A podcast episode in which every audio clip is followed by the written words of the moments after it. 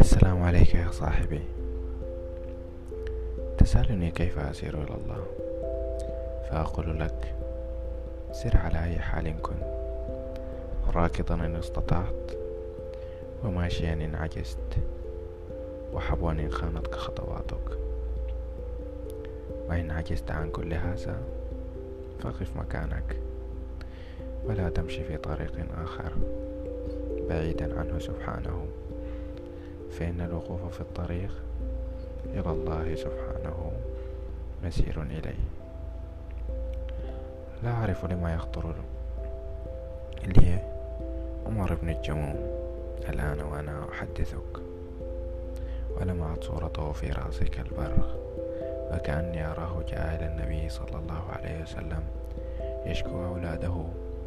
الذين أرادوا منعه من الخروج إلى المعركة لأنه أعرج وليس على الأعرج حرج. ثم قال والله لا أدخلن بعرجتي هذه الجنة. يا رسول الله إن قتلت في سبيل الله أمشي برجلي هذه سليمة في الجنة؟ فقال له نعم.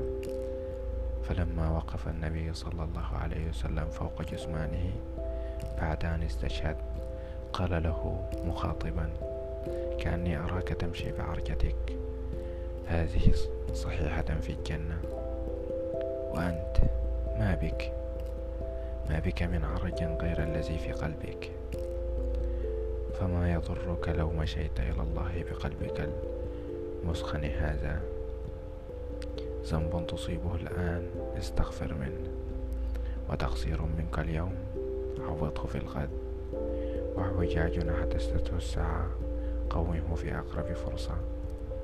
امسح دمعه فإن الله عند المنكسر عند المنكسرة قلوبهم. واجبر خاطرا فما عبد الله بشيء أحسن من جبر الخواطر. أرأي ربت على كتفي مكسور وواسي قلب مغزول. وضمت نزيف مجروح.